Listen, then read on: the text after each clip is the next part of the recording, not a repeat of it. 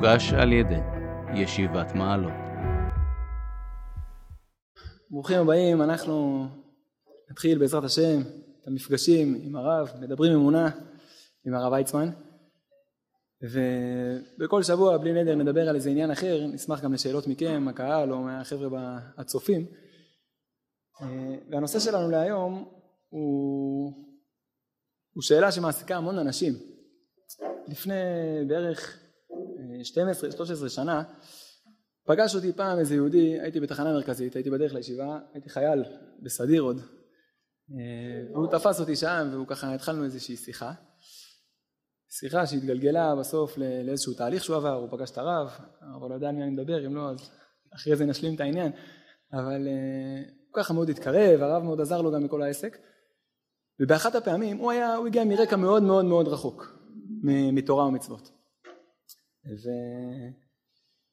והוא אמר לי יום אחד, שמע אצלכם הדתיים הכל אסור, אסור כשר, זה כשר, זה אסור, זה אסור, בשבת אסור ככה, וזה אסור, בנים בנות אסור, אסור, אסור, אסור, דבר אחד מותר וזה לצום, זה מה שמותר אצלכם, אה, הכל אצלכם, כלא אחד גדול כל, ה... כל התורה שלכם, כל המצוות שלכם.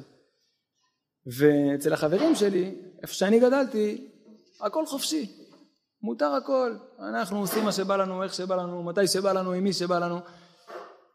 והאמת שהשאלה הזאת היא לא רק שאלה של אותו יהודי רחוק, היא שאלה שככה, אתמול שאל אותי את זה תלמיד, וזאת שאלה שככה אני מניח הרב נפגש בה הרבה הרבה פעמים, לכאורה יש תחושה כזאת שבאמת החוקים, ההלכה, היהדות מאוד מאוד מגבילים וכובלים, ומי שמשוחרר מכל העסק חופשי הרבה יותר. כן, השאלה הזאת מזכירה לי,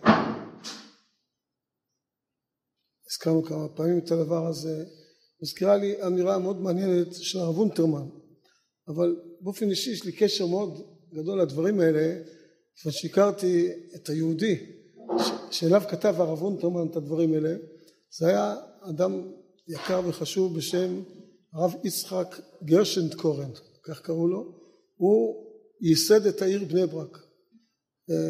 מייסד העיר בני ברק הוא היה ראש העיר הראשון ואני עוד זכיתי להכיר אותו. סוף סוף זכיתי הייתי אצלו בבית. הסבא שלי זיכרונו לברכה היה שולח לו כל פעם בפורים משלוח מנות. ואני הייתי זה שנעבך הייתי צריך ללכת לכל המשלוחים האלה. אז הגעתי גם אליו. יצא לי להיות אצל כמה דווקא אנשים חשובים בזכות המשלוח מנות. אצל הרבי מאוז'רוב בעל האש דת. גם אצל הרב יצחק גרשנקורן הייתי בתור ילד, לימים גיליתי את הספרים שלו, היה ראש עיר אבל בעצם הוא היה תמיד חכם גדול, דרך אגב את העיר בני ברק כשהוא יסד הוא התייעץ הרבה עם הרב קוק, הרב קוק היה לו קשר מאוד גדול, הוא גם היה חנוכת בית הכנסת הראשון של בני ברק, אבן הפינה, הרבה סיפורים סביב העניין, בני ברק הייתה דבר שמאוד היה קשור לרב קוק בשעתו גם רחוב הרב קוק אחר כך קצת שינו את זה רחוב אברהם שלא ידעו בדיוק על מי מדובר אבל על כל פנים אז הכרתי את האדם וגם את הרב אונטרמן הכרתי אז יצא לי ככה להיות קשור אז נגיע לממרה עצמה.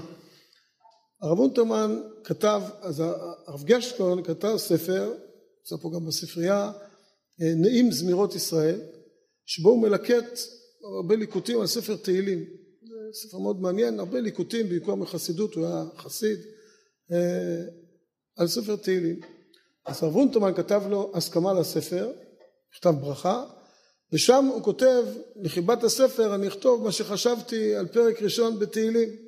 מזה זכינו באמת לרעיון נמצא נפלא של הרב אונטרמן שאז הוא היה הרב הראשי לתל אביב כשהוא כתב את זה, לימים הוא נעשה הרב הראשי לישראל יהודי, תלמיד חכם גדול, ככה היה מוכר ומפורסם. אז הוא כותב לו ככה על הפסוק, על הפסוקים בפרק ראשון בתהילים, והיה כעץ שתול על פלגי מים, אשר פריו ייתן בעיתו ועלהו לא יבול, וכל אשר יעשה יצליח. לא כן הרשעים כי אם כמוץ אשר תדפנו רוח, על כן לא יקומו רשעים במשפט וחטאים בעדת צדיקים.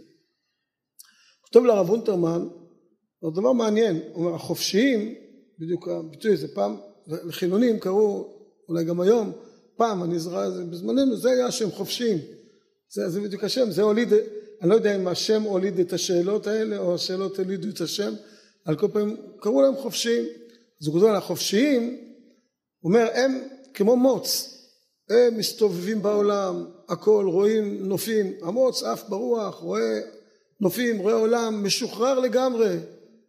לעומתו העץ תקוע באדמה, מקום מסוים, שם עומד, לא יכול לזוז, לא רואה עולם, לא פוגש שום דבר. אומר, אבל בעומק, כשמסתכלים בעומק, הוא אומר, המוץ, אפילו מילימטר אחד הוא לא עושה מעצמו. כל מה שהוא עושה זה רק לאן שנושאת אותו הרוח. אבל כלום כלום הוא לא עושה מעצמו.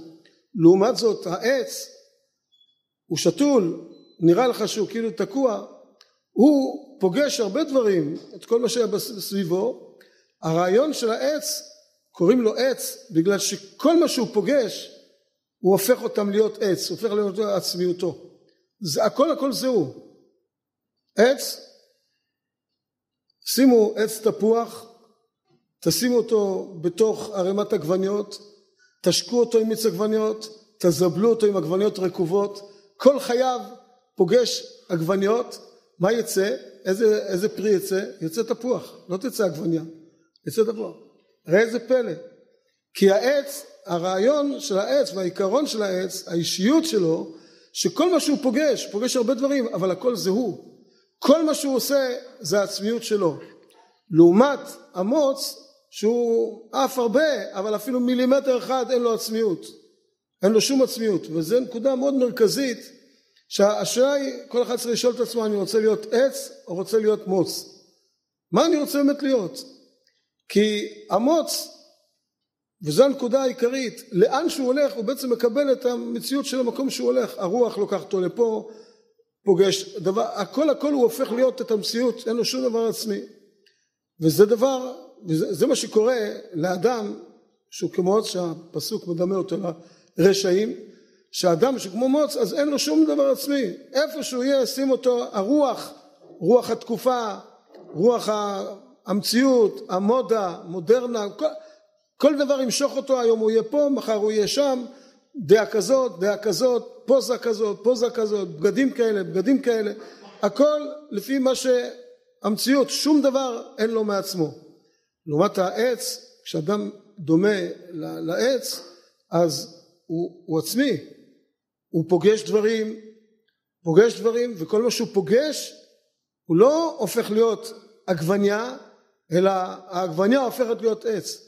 כבר הוא לוקח כל מה שהוא פוגש, הוא לא נעשה כמו אותם דברים שהוא פוגש, אלא להפך, הוא לוקח ומרים את כל מה שהוא פוגש, מרים אותם אליו והופך אותו להיות חלק מהעצמיות שלו.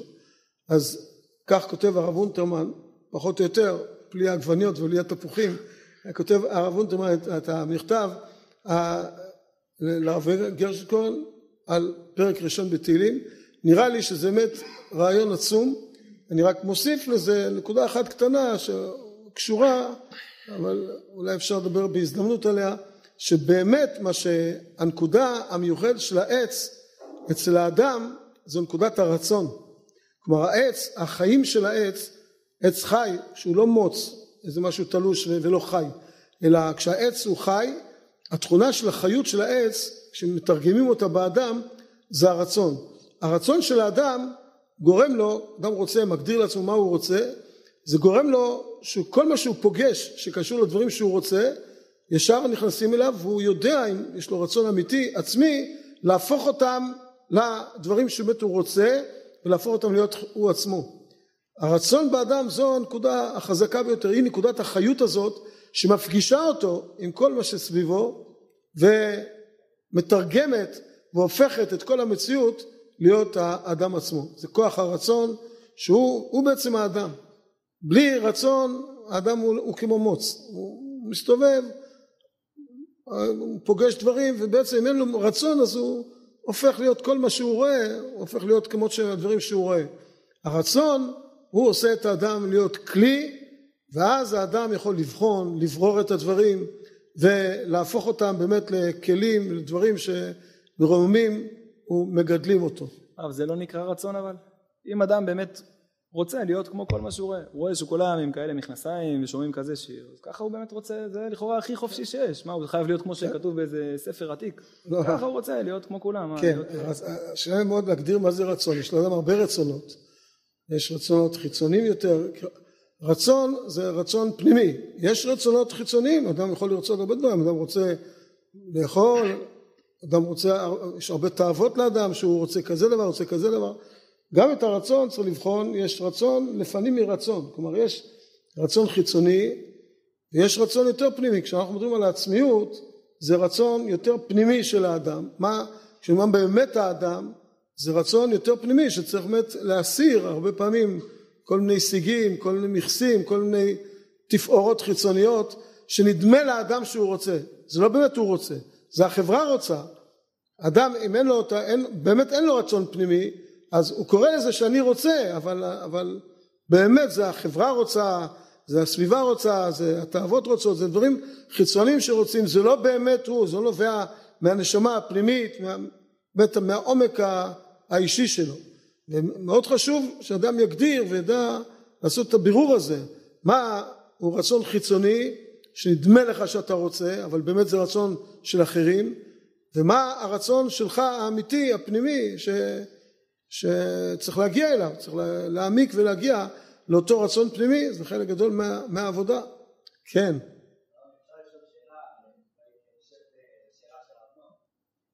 באמת אם אנחנו מתמקדים במשל שהרב הביא, אז הכל פשוט, הכל ברור, מתאר לחלוטין, שמח, יוצא מהחדר הזה ושואל איזה סוג עץ אני רוצה להיות ולפעמים אותו. אבל אם אני טיפה משנה את המשל, אני מקבל טיפה מקצועות כמו שהרב הסביר, אבל למשל אני רוצה להיות כמו ציפור, איך? כמו ציפור, אני עף ממקום למקום, אני אוכל עגבניות, ומה שיהיה לי בעזרת השם זה גוזלים. אני לא ליד עגבניות, אני הוליד גוזלים. אבל עדיין יש לי את התכונה של המעבר ממקום למקום, יש לי את התכונה הזאת פשוט, היא אולי לא כמו אבל היא כן קיימת. לא, ציפור זה כמו, בנקודה הזאת ציפור כמו בן אדם, זה לא, הציפור באמת יש לה את ה... דווקא הציפור היא הדוגמה הכי טובה, הבאת דוגמה טובה, לציפור מאוד מסגרתי, סיפר בדיוק השכן, אתה הזכרת לי ציפור, שכן מולי, יש לו שם איזה מוזר כזה, והיה לו שם קן של ציפור, סנונית, וכל שנה הם מגיעים מאפריקה, זה, זה מדהים מדהים, מאפריקה, מקומות הכי רחוקים, זה מגיע למוסך שלו. כבר שנה שלישית אני חושב משהו כזה, ומטילה שם גוזלים, וכבר יש לו שם עסק שלם עם הדבר הזה, שהוא היה, זה, שמע בוקר אחד קרה צרחות של ציפור עצומות, הוא לא יודע מה קרה, התברר שהגוזל נשאר בפנים והוא סגר את הזה והציפור נשארה בחוץ ואז ככה הוא גילה, בקיצור הציפור היא רואה עולם, יש לה מסלול מאוד מדויק, זה מדהים מדהים מדהים לראות שהציפור היא לכאורה ציפור דרור, אבל יש לה דרך, יש לה דרך, היא לא אוכלת כל דבר, היא לא הולכת לכל מקום, דווקא הציפור היא דוגמה טובה לחופש אמיתי, ציפור דרור אבל, אבל יש לה חופש אמיתי. והחופש האמיתי הוא מאוד מאוד ממוסגר.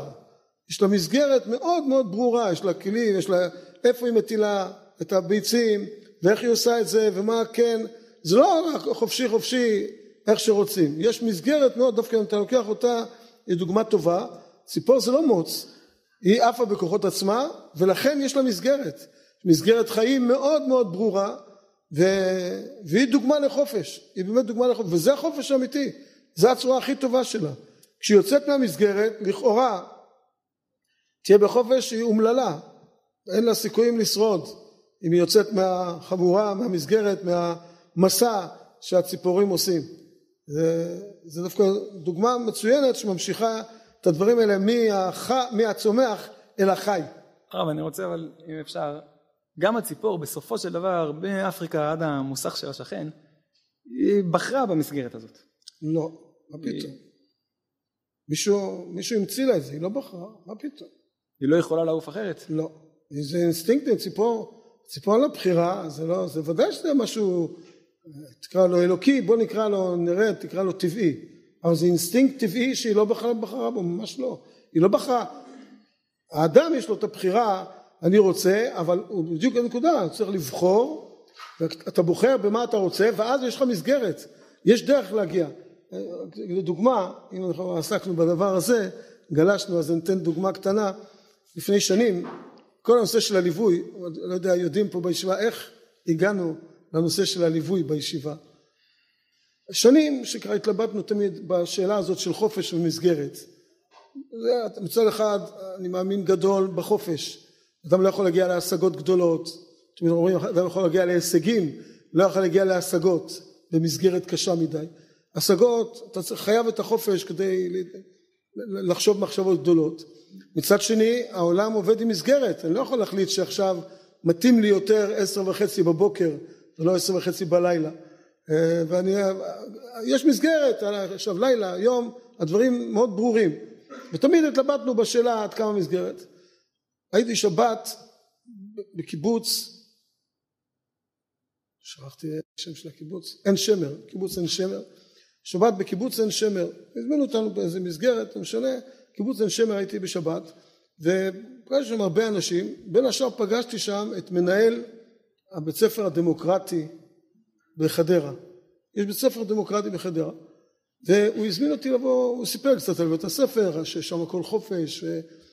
אז הזמין אותי לבוא לסיור, ונסענו שם לסיור לבית הספר הדמוקרטי בחדרה, ואז הוא התחיל לתאר לי את בית הספר, עברנו שם וראינו, הבית ספר חופש מוחלט, ילד יכול להחליט שהוא לא לומד לקרוא, לא עושה שום דבר, ממש חופשי חופשי, אבל אם ילד מחליט בגיל עשר, אחת עשרה, שתים עשרה, באיזשהו גיל הוא מחליט אני כבר רוצה לדעת לקרוא, החלטה שלו, בחירה, אתה רוצה לקרוא? אומרים לך יש מסגרת מסוימת שבה לומדים לקרוא, אתה צריך לבוא חמש פעמים בשבוע לשיעור, לעשות שיעורי בית, להיבחן, יש מסגרת שבה, אתה יכול תחליט שאתה לא רוצה לקרוא אל תקרא. אתה יכול לדעת זקנה ושיבה לא לדעת קרוא וכתוב. כשאתה מחליט שאתה רוצה לקרוא יש דרך איך קוראים אתה יכול להחליט שאתה לא נבחן בגרות לא עושה שום דבר. אתה רוצה להיבחן חמש יחידות מתמטיקה אתה חייב לעשות א' ב' ג' ד' הבחירה היא שלך אבל אחרי שבחרת יש מסלול מוגדר מה עושים בבחירה הזאת. זה מדהים זה, זה, זה, זה ככה עובד. עכשיו יש שם החוקים נקבעים על ידי יש מליאה של הצוות המורים וההורים כולם יחד זה המליאה וכך נקבעים החוקים וכשנקבע חוק הוא נשמר לגמרי חוקי בית הספר. למשל אחד החוקים שאסור לעלות על הדשא. אסור לדרוך על הדשא. אמר לנו זה שלקחנו לסיור אמר בואו נעלה שנייה אחת על הדשא תראה מה יקרה. עלינו ככה עברנו על הדשא ישר עטו עלינו מכל הכיוונים. אסור לעלות על הדשא אסור לעלות על הדשא. זה נשמר שם בצורה מדהימה. אז יכולים להחליט שלא אבל כשמחליטים משהו שכן אז, אז המסגרת היא מאוד נוקשה. הדבר היחידי שחובה שם זה ליווי לא קוראים לזה שם ליווי לא זוכר איך השם שמה ליווי זה השם שלנו גם לא בטוח שזה שם מוצלח אבל, אבל, אבל שם יש לזה שם אחר עוד יותר גרוע. אבל, אבל אז לא לקחנו את השם ששם אני כבר לא זוכר מהו אבל על כל פנים זה זה הדבר היחידי שחובה. למה? כי אני אתן לך חופש מה שאתה רוצה אבל תדבר עם מישהו שנראה שהדברים האלה שאתה חושב אתה תעלה אתה תדבר אבל אבל שאתה עומד מול מישהו וחשבת על הנושא של לימוד קריאה. לפחות זה עלה לך מוח אחרת אדם יכול לעבור כל השנים הוא אפילו לא שמע שיש מקצוע כזה שמו קריאה. הוא חושב שהוא ציפור הוא לא צריך לדעת לקרוא. אז אדם לכן יש ליווי זה הדבר היחידי שיש שם זה הדבר החובה שאר הדברים הכל רשות אבל אם אתה מחליט להיכנס לאיזושהי מסגרת המסגרת היא מאוד ברורה. זה בדיוק הנקודה זה, זה מה ש... זה בדיוק זה, זה, אבל... זה, זה, זה נדמה לי מודל מאוד טוב לעניין, כלומר שבתורה זה לא, זה לא דומה לתורה.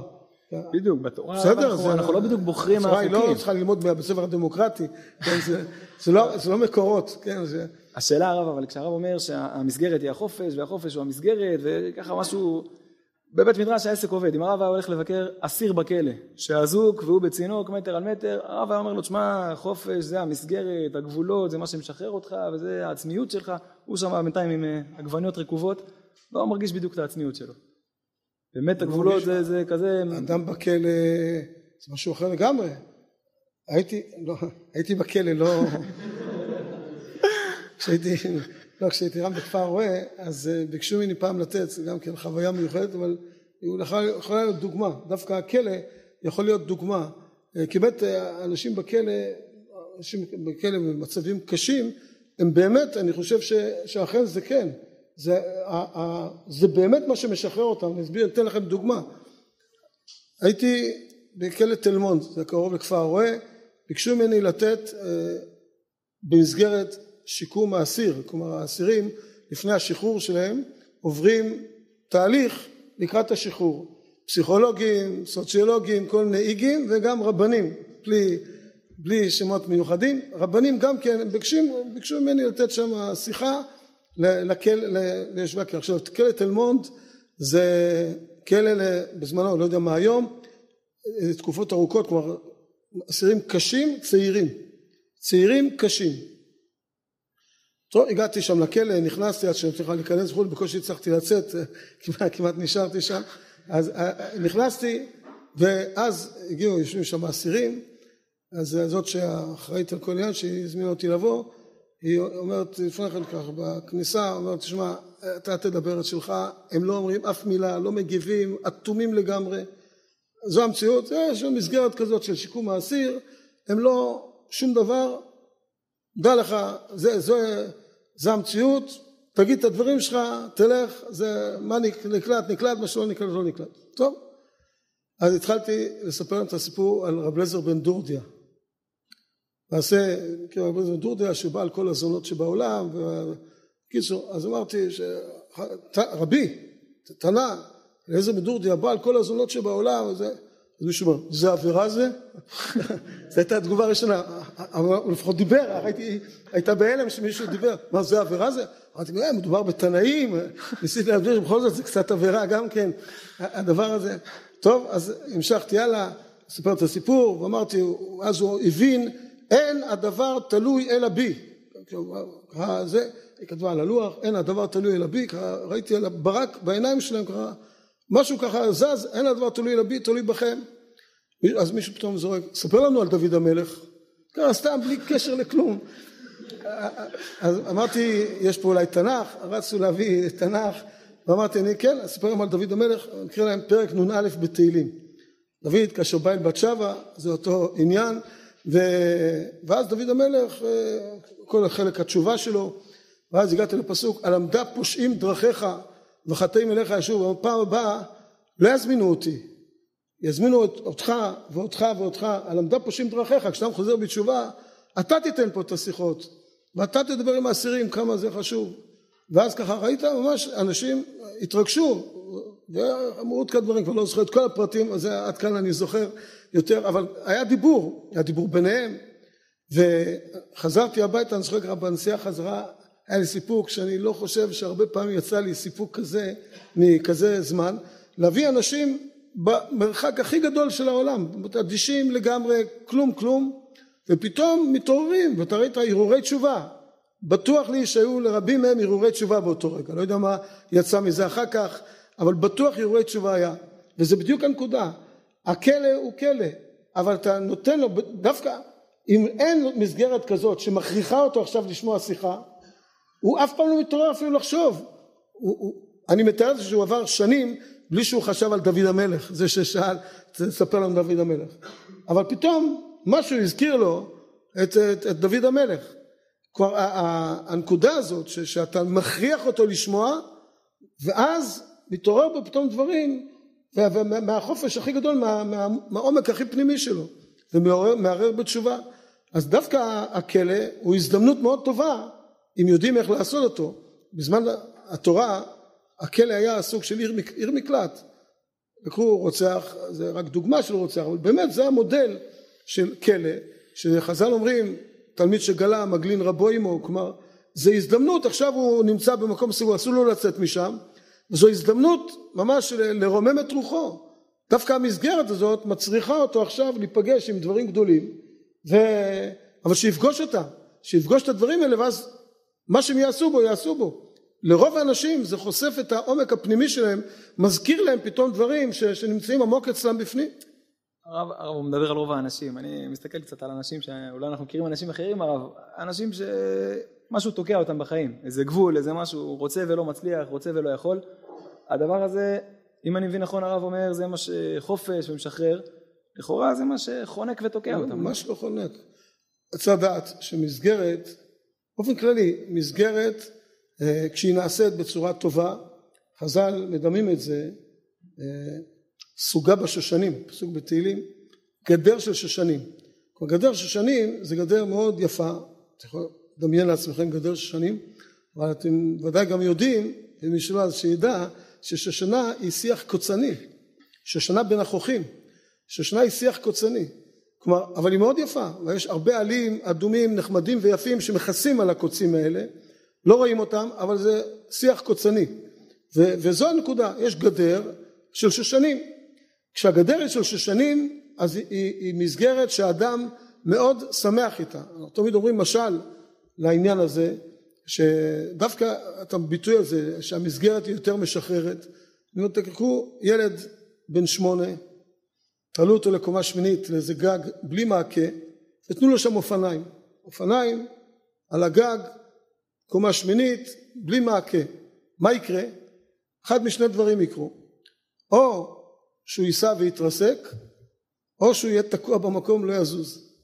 זה, זה, זה, זה חיים בלי מסגרת. ברגע שאתה שם שם מעקה נוסע חופשי עכשיו על האופניים בכיף באיזה מהירות שהוא רוצה איך שהוא רוצה וממש מרגיש חופשי לגמרי. כלומר המעקה הזה המסגרת הגדר של שושנים היא הדבר הכי משחרר. וזה החיים. בלי גבולות אין חיים אין דרך. זה כאילו אין מטרה אין אין כלום אין יעד אין עבר ואין עתיד ואין שום דבר. זה חיים בלי מסגרת. ואז באמת אדם תקוע. או שהוא יתרסק או שהוא יהיה תקוע שהוא באמת לא יודע מה הוא עושה לאן אני פונה. זה, וזה גם קצת פחד. זה לא סתם שהעולם סובל הרבה מחרדות כי זה גם באמת פחד. אני לא יודע אני, זה נכון זה נכון. ללכת לפה יכול ליפול לכאן יכול ליפול לשם. ברגע שיש מסגרת ועוד מסגרת שריבונו שלנו נתן לנו מסגרת, אז אין משהו יותר משחרר מזה משהו שאתה נותן לך את הביטחון נותן לך דרך. אתה יודע שיש לך איזה יעד. אתה יודע שבאת מאיזה מקום אתה הולך לאיזה מקום. כלומר זה נותן משמעות לכל החיים זה אין משהו יותר משחרר ממסגרת בתנאי שתהיה בחינה של גדר של שושנים כלומר דבר נעים וטוב שמתאים לאדם לא סתם להכניס אותו לאיזה כלא חיצוני.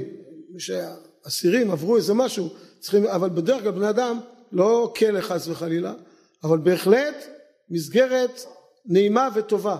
הרב זה אני מבין יותר על, על חוקים ש, שאנחנו רואים אותם באמת כגדר של שושנים אבל מה עם דברים שהם פרה אדומה? מה עם דברים שהם באמת ככה... פרה אדומה זה לא הכי דומה לשושנים. מה, מה אנחנו תקועים פה, השם אמר ככה ולא מבינים ולא יודעים, ומה... איך בדיוק אפשר להרגיש גם פה בדיוק, את החופש לא, הזה? פרה אדומה היא הדוגמה, דיברנו על זה בדיוק השבוע. פרה אדומה זה בדיוק הדוגמה למסגרת, לגבולות, שלא ניתנים על, ידי, על ידינו. לא אנחנו ממציאים אותם, אלא באמת משהו שניתן לנו מלמעלה. כי, כי אם אנחנו ממציאים את הגבולות זה לא נקרא גבולות. דווקא זו דוגמה למסגרת הכי נכונה שיש שזה אומר לך אתה עושה את הדברים אתה מאמין. הנקודה החשובה פה זה להאמין שריבונו של עולם רוצה את טובתנו. התורה העולם טוב השם לכל רחמיו על כל מעשיו. הודו להשם כי טוב כי לעולם חסדו. והיה אלוקים את כל אשר עשה והנה טוב מאוד. התורה פסוקים מלאים מזה שהרצונו יתברך הוא רק הטוב והוא מגלה לנו מה הדבר הטוב. אתה יודע שמסגרת היא הדבר הכי טוב לך. אם יש לך את האמון הזה אז, אז באמת אתה יודע שזה הדבר הכי, הכי טוב לך. ואז זה באמת הדבר הכי נעים. כן. מה?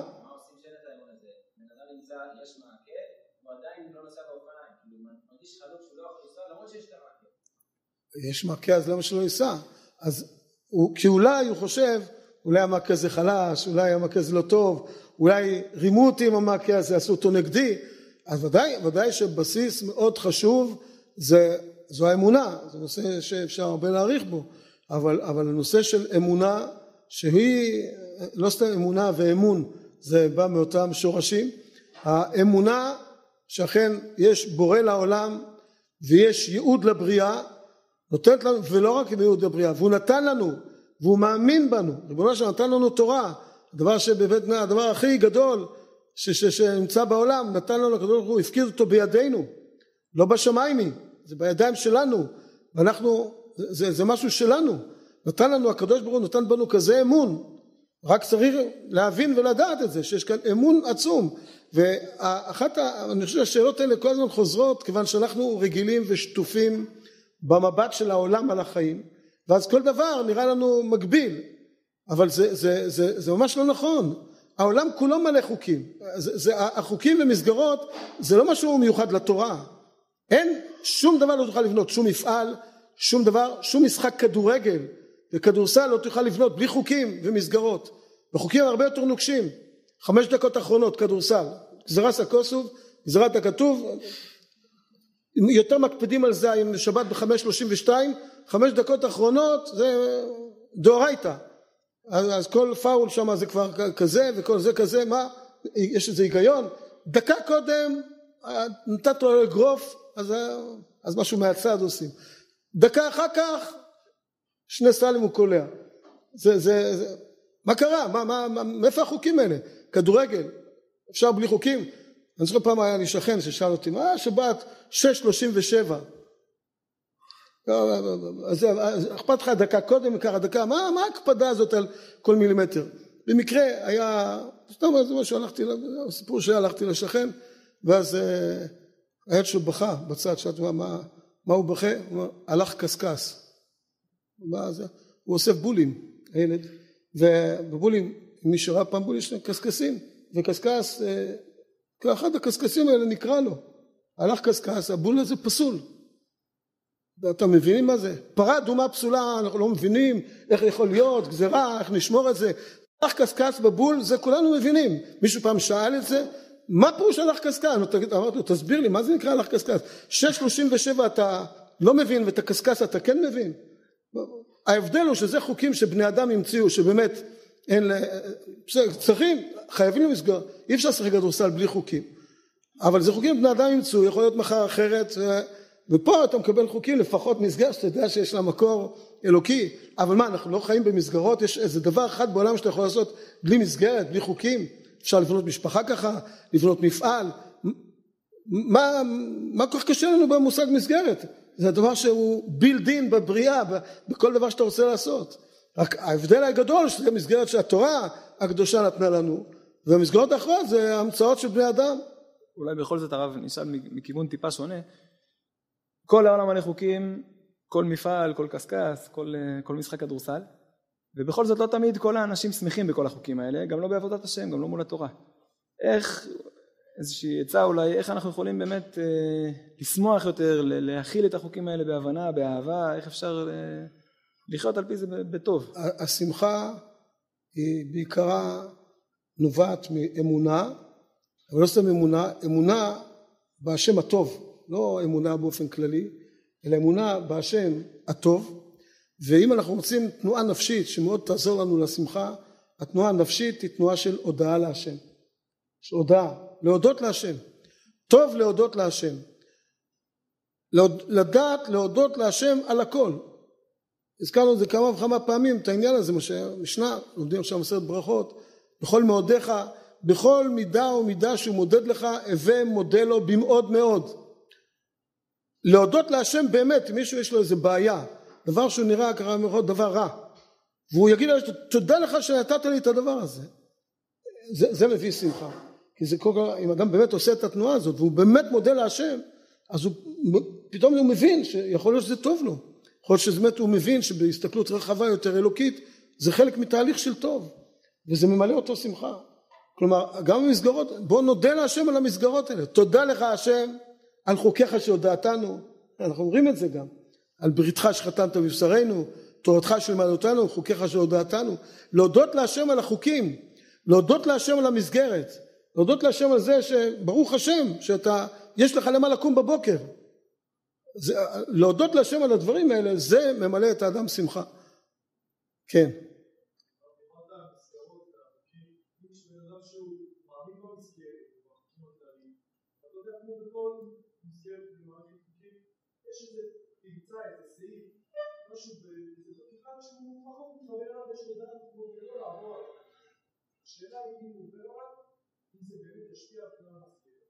רק נחזור לטובת הצופים על השאלה, לא שומעים שם פשוט.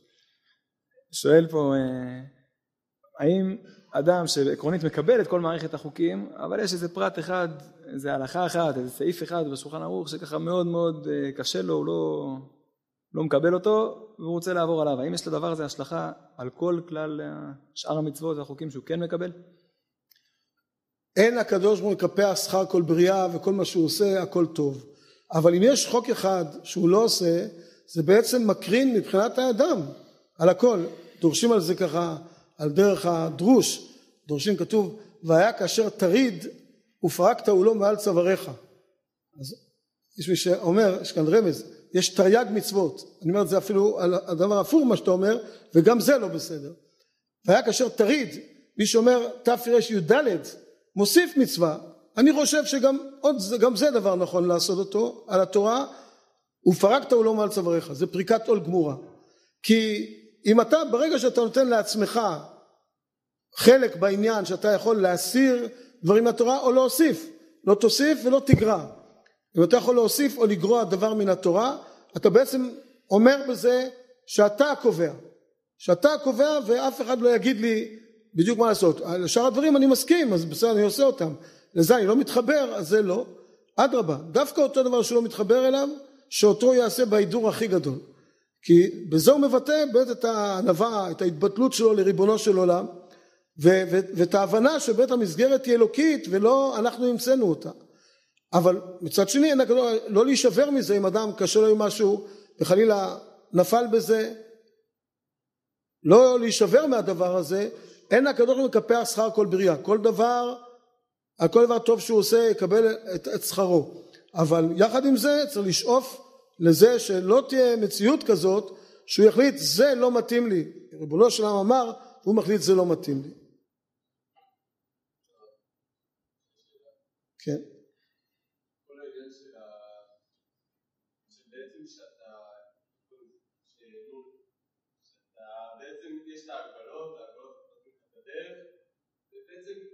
יש גם את העניין שאמרת שיותר מדי הגבלות מונעים לך בעצם את המחשבה החופשית, את ההגעה, ולפעמים אתה הופך לרובוט בגלל זה.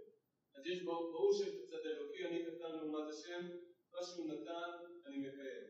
אבל יש את העניין, נגיד עד הגמרא, אחרי הגמרא זה כבר יש יותר מחלוקות, יש יותר דיונים בעניינים מסוימים, שיש לך גם דברים הרבה גדרים ודברים שנוצרו, שלפעמים נראים בעצם כמשהו שמאוד מקביל, שהם לא, וכאילו גם אם אני אתן עכשיו דעה אחת נגיד בתפילת שחרית או דעה אחרת ועכשיו מה אני מתפלל את שניהם כאילו יש את העניין של העניין האלוקי ויש אחרי זה את הפרשנות הרבנית מה צריך לעשות ביחס לזה זה פחות קשור לעניין אבל בכל זאת רק נקודה אחת רק, רק נקודה אחת שזה בדיוק הפוך מה שאמרת.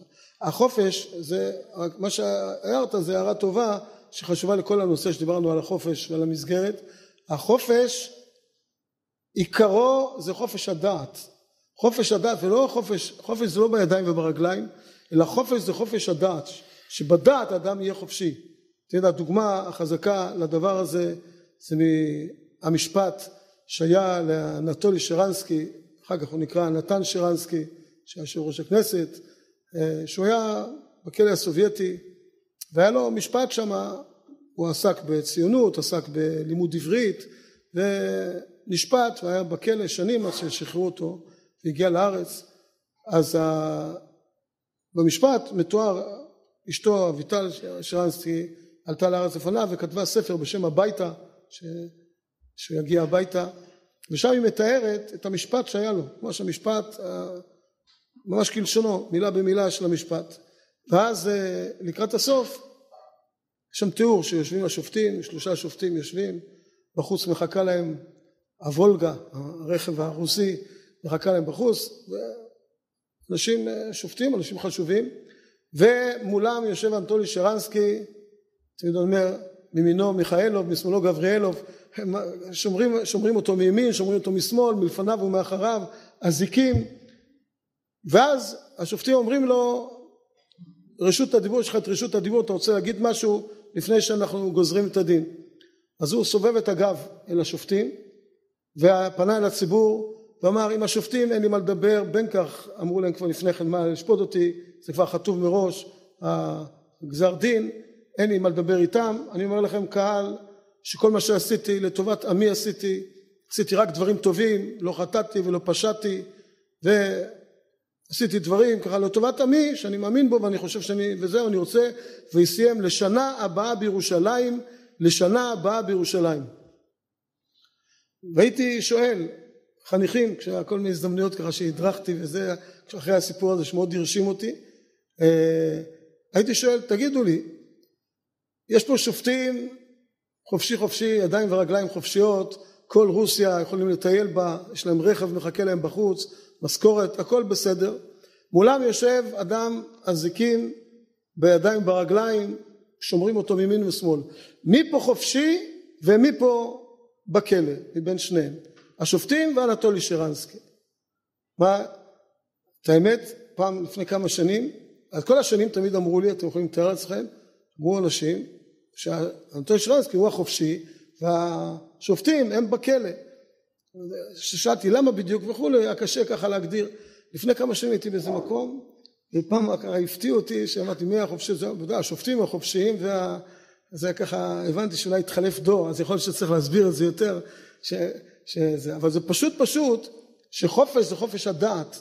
אנטולי שרנסקי חופשי, כי הוא חופשי בדעתו, הוא יושב בצינוק, אבל הראש שלו בירושלים, והוא באמת בירושלים, הייתי אומר להם אז, לא כנביא ולא כחכם, אני אומר לכם שבטוח שהוא יהיה גם בסוף בירושלים, למרות שהכלא היה ככה הרבה שנים, איך אומר הבעל שם טוב?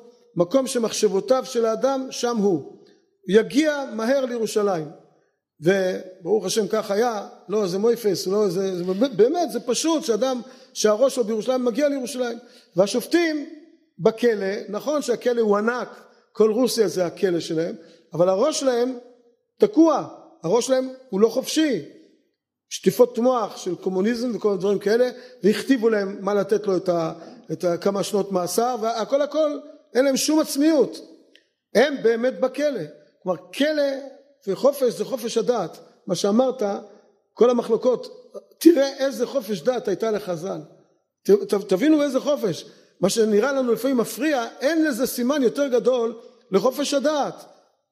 אדם חושב ככה, מישהו אחר אומר לו לא, אתה לא צודק, ואני אומר התלמידים, הרבנים הכי גדולים, תלמידים רגילים, אומרים ומקשים ומתרצים וחושבים אחרת. יש כללים, הכל לפי כללים, הכל לפי עקרונות, לא כל אחד מה בא לו, אלא עקרונות והיסודות, ויש כללים כבר איך פוסקים הלכה. זה חופש גמור עם מסגרת כראוי, בדיוק בכיוון ש, שאנחנו מדברים, אבל החופש זה חופש הדעת.